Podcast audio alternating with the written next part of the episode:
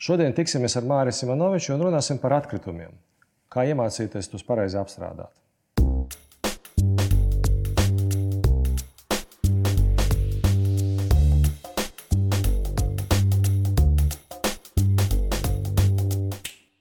Japānā viņi pārstrādā no jauna, tur bez mazliet 95% no visiem atkritumiem. Viņam tikai 5% nonāk tajos laukos. Tas tā ir vai tas tā nav? Te es domāju, īsti nevar piekrist, jo tāpēc, Japānā ir viņiem liels dedzinātājs. Ja Tokijā vien ir 11 lieli dedzināšanas kompleksi, ja, kur atkritums vienkārši sadedzina. Pēc tam viņiem vēl tur ir pazemes konteineru sistēmas, tur trubas, kas ir zemes spiedienu atsūcē. Ja. To nevar salīdzināt. Teiksim, tā pārstrādes definīcija atšķirās, kas ir tur Japāna, kas ir Eiropa. Eiropā, teiksim, principā pārstrādāt no viena produkta, no atkrituma saražo jaunu citu produktu, citu jaunu produktu. Jā.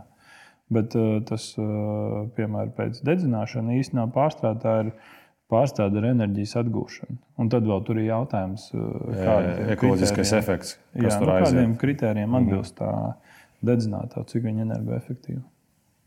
Un tad respektīvi, Eiropa mēģina panākt, ka mēs nu, to stiklu no stikla veidojam to jaunu stiklu.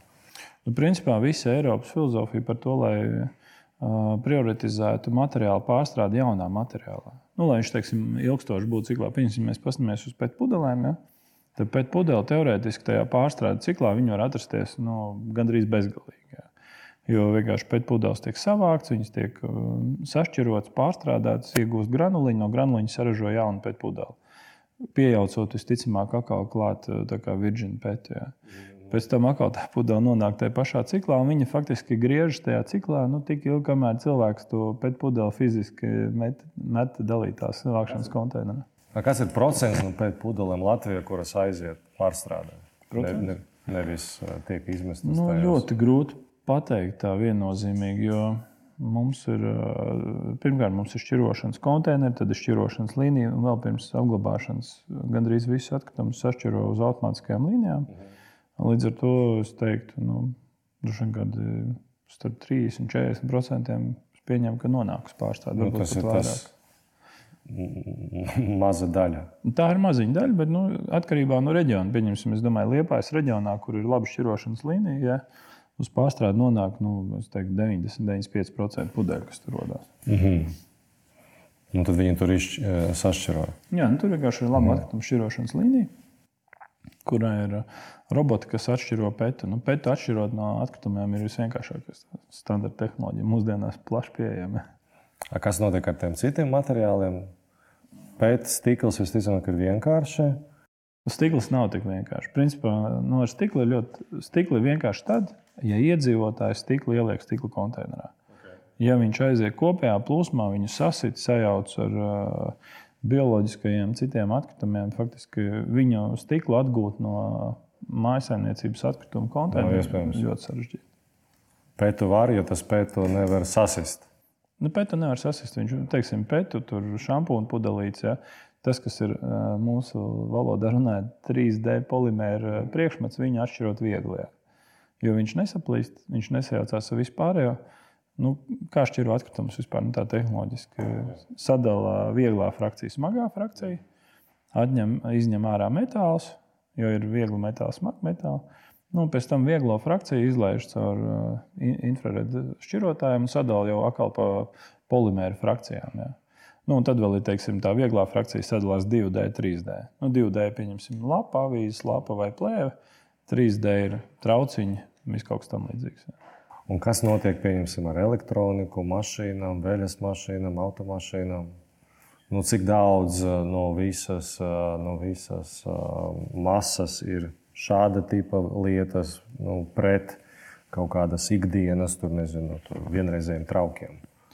Nu, tur ir atkal regulējums pretī. Ja, teiksim, katrai materiāla grupai ir apjoms, kas jāsavāc. Līdz ar to mēs rūpējamies par to, lai iedzīvotājiem būtu infrastruktūra izglītojam iedzīvotājus.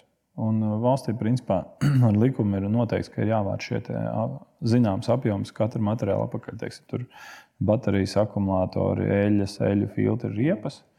Nu, tas tiek īstenots caur ražotāju atbildības sistēmā. Visi, kas importē, ražo, viņi maksā par to, lai būtu šī infrastruktūra, lai tos atkritumus izvestu.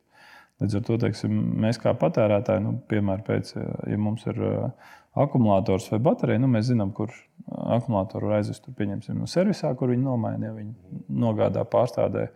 Baterijas var izmest vai spuldzītas, vai elektroniku lielveikalos vai speciālos punktos. Jā. Nu, ražotāji samaksājuši par to, ka tas materiāls tiek savākts un pārstrādāts. Un tad sanāk tā, ka viss ir gatavs, viss ir uztaisīts, un tad jautājums, vai mēs to izmantojam. Tieši tā. Un tad mēs to izmantojam. Nu, mēs to izmantojam mazāk nekā Eiropā. Bet... 30%. nu, es domāju, bija vairāk. Mūs, nu, principā valsts līmenī mēs izpildām visas normas, jā, bet jāņem vērā to, ka daudz no šīm normām izpilda industriālie un komerciāli klienti. Nu, teiksim, lielveikalos šķiroja. Tir, nezinu, dažādās rūpnīcās, noliktavās, ja teiksim, kartonu. To jau sašķiro tur, kur viņš rodas. Iedzīvotāji tādā ziņā ir kūta. Protams, tas, ka Rīgā notika šī atkrituma reforma un tagad Rīga sadalīs starp operatoriem, nu, vismaz mēs savā zonā esam uzlikuši ļoti lielu skaitu dalītās vākšanas konteineriem. Un tad tas varētu mainīties. Nu, tur vienkārši matemātika, jo tas konteiners ir tuvāk cilvēkam, jo viņam vienkāršāk ir aiziet izmest tos atkritumus. Ja teiksim, līdz tam konteineram jāiet ļoti tālu, tad, protams, ir slinkums. Vienkāršāk ir izmest piemājas konteinerā. Cik liela loma ir tādam sabiedriskam iniciatīvam, cik es saprotu, piemēram, Austrālijā viņam ir nu, tāda sabiedriska kustība atteikties no visa tā, no kā var atteikties. Nu, ja mēs varam atteikties no plastika tur maisiem, mēs atteiksimies. Ja mēs varam atteikties no šitām mazām pudelītēm, viesnīcās ar šampūnu, mēs atteiksimies.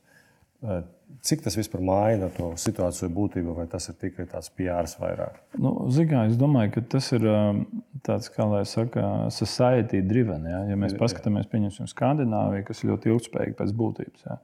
Es pats biju Skandināvijā, tieši tur bija tāds uh, sustainable leadership kurs, ja, kur mēs apmeklējām vairākas arī organizācijas, un, un tur bija tie piemēri, kad uh, jau korporācijas līmenī uh, Viņi uztver šo ideju, ka ir jāatsakās no nevajadzīgā, mm -hmm. nu, piemēram, viesnīca. Un viņi vēl viesnīcā vairs nepiedāvā tās mazās, mazos trauciņus. Jā.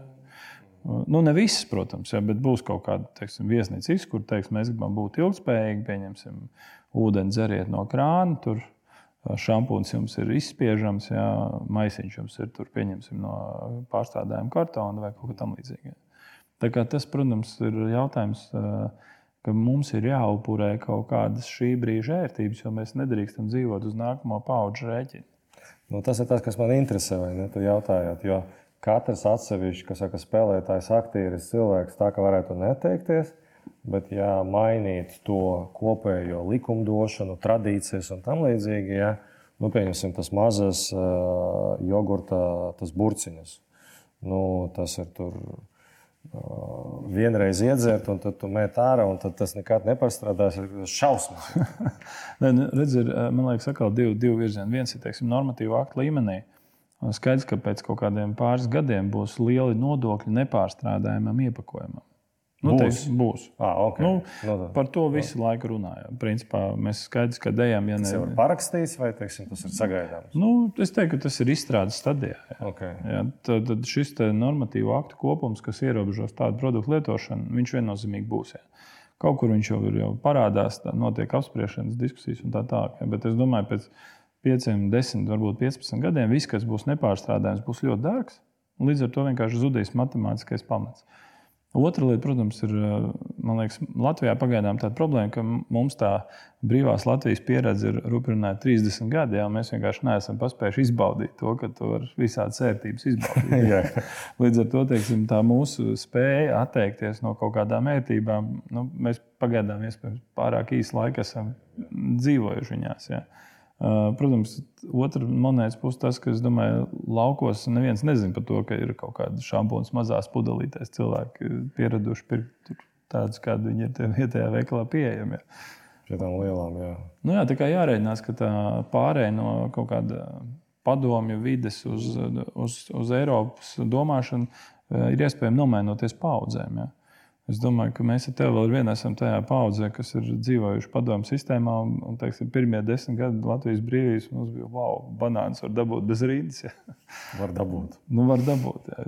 teiksim, tas prasīs kaut kādu laiku, kamēr cilvēki pieradīs un ka viņi jau spēs atteikties. Ja. Skatoties uz tehnoloģisko progresu un to šķirošanas biznesu, jo tur, pieņemsim, mēs ņēmām teiksim, tā, tā, atkritumi. Tur ir daudz dažādu priekšmetu, mazie, lieli priekšmeti no dažādiem materiāliem. Nu, robota tehnika, kuru varētu atšķirt un to visu, visu sadalīt. Tas ir kaut kas tāds, kas parādās tagad biznesā, vai, vai pagaidām tas ir ļoti tālajošs. Nu, principā ir, ir arī robotu rokas. Tagad, mm. nu, nu, jau es domāju, ka kaut kādus trīs, četrus gadus mēs varam runāt par industriāliem risinājumiem. Tā skaitā mēs arī esam pasūtījuši vienu tādu aparātu. Protams, ka vēsturiski tās automātiskās šķirošanas līnijas jau bija pirms 10, pat 15 gadiem. Ja, kur vienkārši tas viss balstījās vairāk uz fiziku vai uz kaut kādām ķīmiskām niansēm. Nu, teiksim, blīvums, kas peld, kas grimst. Jā, jā spektrometrs, ja, kas ļauj teiksim, analizēt garām ejošu produktu, identificēt viņu un izšaut pa labi vai pa kreisi vai augšā lejā. Un tagad teiksim, tas jauninājums jā, ir robotu rokas. Ja, jo vienmēr automātiskajās līnijās ir gala kaut kāda teiksim, 2, 3, 4 šķirotāji, kas tā tāda fine sorting jā, izdara. Jo, ja materiāls iet ļoti blīvi, tad uh, tas infrasarkanais šķirotājs uh, Viņš nespēja identificēt, iespējams, to vienu pudeli, viņš kļūdaini izšāva trīs, kas ir viena otrai virsū. Ja? Vai arī nepamana kaut ko, kas ir pa vidu. Tad, teiksim, šobrīd tās robotu rokas, nu, viņas pilda to funkciju, ka fine sorting. Ja? Nu, mēs esam redzējuši darbībā, tā skaitā arī Latvijā runājuši ar kompānijām, nu, kā to tehnoloģiju varētu adaptēt. Jo, principā, nu, tas robotu roka ir standarts, vairāk vai mazāk brīvi nopērkams. Ja. Viss jautājums ir par to smadzenēm, ja, ko viņi dara pēc kāda principa viņi strādā. Nu, parasti tā ir kamera, kas filmē to, kas iet pa līniju, identificē pēc datubāzē esošajām bildēm, nu, kas tas varētu būt, vai tas iedarās vai neiedarās. Jā. Nu, principā negatīvais sortings parasti izņem ārā to, kas neiedarās. À, izņem ārā to, kas neiedarās. Nu, tad... Jā, jo, ja ir viss, kas iedarās, tad ļoti liels slodzi. Un, teiksim, ja ietur pieņemsim tonu stundā, tad daudz vienkāršāk tai robotu rokai ir izņemt tur, pieņemsim, desmit items no tūkstotis, nevis tūkstotis izņemt, desmit paliek. Jā. Jā, tīri teorētiski, tad, kad teiksim, tas viss sāk apmēram strādāt, tad tas ir jautājums tikai par to jaudu. Nu, tev ir desmit rokas vai simts rokas, un tad, tad tu vari sortēt visu. Nu, Principā, jā, nu, tur vēl ir, protams, tehnoloģisks nianses, ja kādu materiālu var sortēt. Jo tā šķirošana notiek, ka su, vakuma sūglīte galā. Ja? ja tur tas gala produkts ir stipri abrazīvs, tad tas sūklīts, pieņemsim, paliek netīrs, vai viņš no, nobružājas. Nu, tur nav tā, ka tu vari vienkārši nešķirot atkritumu, šķirot, jo tas nestrādā. Ja. Bet, ja tas ir teiksim, mazgāšanas līnijas kaut kāds starposms, pieņemsim, pirms tās, nu, konkrēti runājot, pieņemsim, pa pudeļu šķirošanu. Ja. Pirms pudeli nomazgāt, viņa ir tīra, to robotiņu viņi var piesūkt, izmest. Ja. Nu, ja viņi būs netīri, tad, protams, tas sūklis ātri ir piedarbots, un viņš nestrādā īstenībā. No, no biznesa procesu viedokļa, tad jums ir daudz dažādi klienti, dažādi klienta tipi, dažādi sadarbības veidi. Tātad, kāda mēra teiksim, tas jaunas artificial mākslīgā intelekta lietas, mobilas aplikācijas, tur visādi sarunas boti, vai tas vispār ietekmē biznesu? Nu, skaidrs viens, ka tehnoloģijas ienāk arī atkrituma biznesā un arī IT lietas. Jā. Man liekas, te varam atkal sadalīt to, ko redz patērētājs, ko izmantojam mēs iekšējā. Nu, pagaidām runāt par artificial intelligence vēl būtu pārāk grē, bet skaidrs, ka nu, aplikācijas viennozīmīgi. Jā. Ja agrāk starp nosacīti klientu un ražošanas daļu un apkalpošanu vienmēr bija klienta menedžers, kas pieņēma zvanus, mēs tur mērījām, pacelt, nepacelt. Uh, tad šobrīd tas tiek automatizēts uz aplikāciju.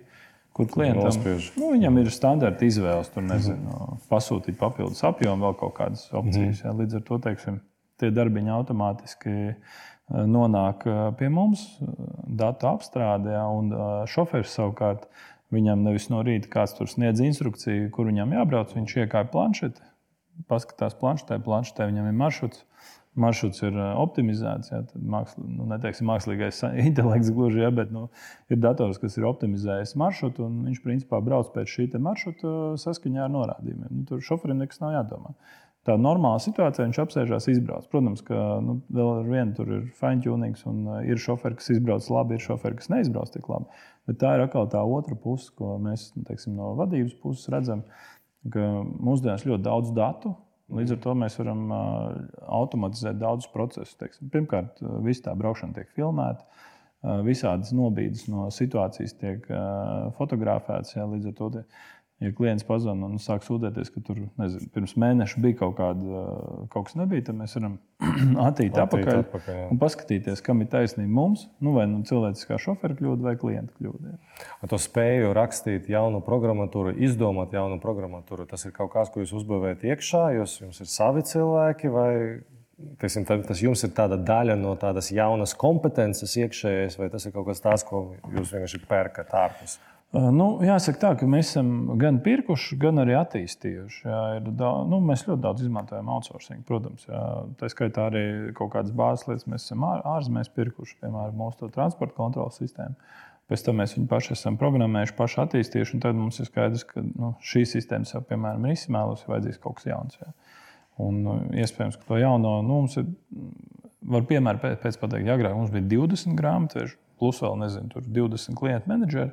Tad šobrīd mums ir visticamāk desmit grāmatveži, trīs klientu menedžeri, bet toties kādi septiņi cilvēki IT departamentā. Agrāk tur bija viens vai divi cilvēki. Jā. Nu, tā kā interesanta statistika. Jā, jā nu skaidrs, ka notiek tā darba automatizācija un IT tehnoloģijas. Viņas var ļoti daudz ko izdarīt. Jā.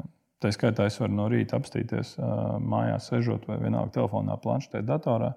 Kādi mums nu, vakardienas vai aizvakardienas rezultāti pa maršrutiem, cik viņi bijuši efektīvi, vai tur ir sasniegti visi mērķi rādītāji ja nav sasniegta, kurš šofērs no sērijas nav sasniedzis, nu, tās iespējas ir unikālas. Iespējas ir unikālas. Tu pats mēģināji pārprogrammēt?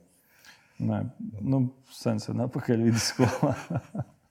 Kaut kādu spēlīti mēs uzprogrammējām. Man liekas, čūska bija toreiz čūska, visiem jāprogrammē. Ja Standarts. Un, ja, ja mēs iesakām nu, kompānijām, ka vajag attīstīt to iekšā, jo, protams, ka nu, ir profesionāli pakalpojumu sniedzēji, kā mēs un tam līdzīgi. Bet nu, to, ko tu vari izdarīt, ir baigi atkarīgs no tā, cik lielā mērā tev pašam ir attīstīts. Jā, nu, tāpēc mums tas IT štats ir ļoti pieaudzis. Mums ir viens cilvēks, kas, piemēram, apkalpo nu, datubāzes, lai viņi sarunājas savā starpā. Ir cits cilvēks, kas atbild par aplikāciju, tad ir cilvēki, kas strādā uz to transporta plānošanas sistēmu, tad atsevišķi cilvēks, kas atbild tīri par grāmatvedības sistēmas integrāciju. Nu, plus vēl visām tām sistēmām ir savā starpā jāsarunājas. Man bija nu, pieminēta aplikācija, man bija vairākas sarunas ar mūsu sen, desmit, piecus gadus atpakaļ. Taksometru firmu īpašniekiem, vadītājiem un tam līdzīgi. Mēs mēģinājām pateikt, nu, vai taisam kaut ko, jo savādāk jūs vienkārši pazaudēsiet savu biznesu. Un, nu, teiksim, tā atsaucība es neesmu dabūjis, un tad līdz ar to mēs tagad nu, mēs braucam ar to Boltu un to Jandeksu. Ja.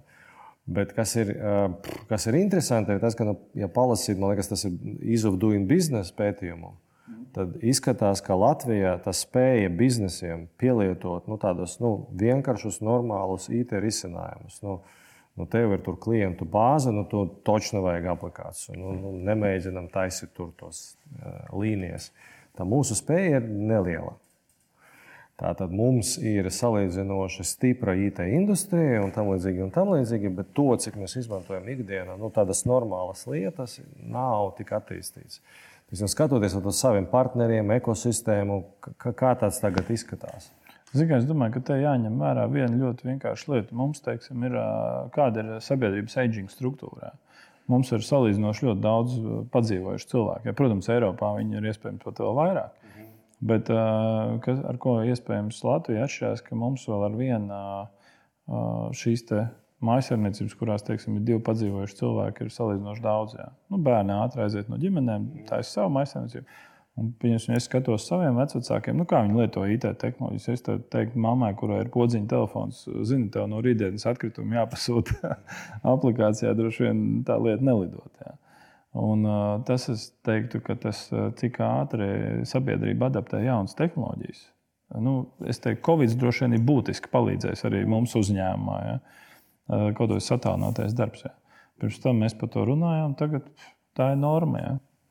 Nu, mani vecmāmiņas fascinē Jo man liekas, ka nu, teiksim, elektronisko grāmatu biznesa aizgāja tad, kad visam vecmāmiņam uzdāvināja, un sievas mātēm uzdāvināja planšetes. Jo tad tas viss aizgāja pa pilnu programmu. Jo. Nu, galu galā teiksim, tas, tas pats iPhone, nu, tā ir tomēr speciāli uztaisīta ierīce, lai tas būtu vienkārši. Tur es tev pilnīgi piekrītu, bet, redz, ja cilvēks saka, es negribu to telefonu, nu, tad viņam neko nevar izdarīt. Nu, teiksim, ja, ja viņš ir pensijas vecumā, droši vien diez vai viņš pārslēgsies no, no Nokijas nosacīt uz iPhone. Jā. Nu, jā, bet, bet tur tas jautājums par to arī ieradumu. Nu, pieņemsim, tas parkings Rīgā. Vai ne? Nu, tas katrs tas stāps, viņš maksā nu, tur nereālu naudu, ja, un to visu aizvietot aplikācijā. Vai tiešām mums vajag nu, taisīt tos stabus, nu, tālāk ejot, tie, tie jau tie stabi ir ierakti. Ja. Nu, šis ļoti interesants punkts, jo es biju eh, Igaunijā pagājušajā gadā. Nē, nē Lietuvā, Viļņā. Sorry. Un, uh, tur kā reiz bija parkings, kuram nebija tās, uh, nebija staba, bija tikai aplikācija.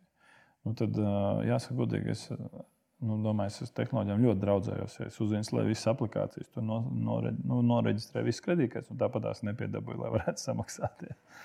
Kā, nu, tas atkal ir koks ar diviem galiem. Ja. Tas ir atkarīgs no tā, kā ir uztaisīts.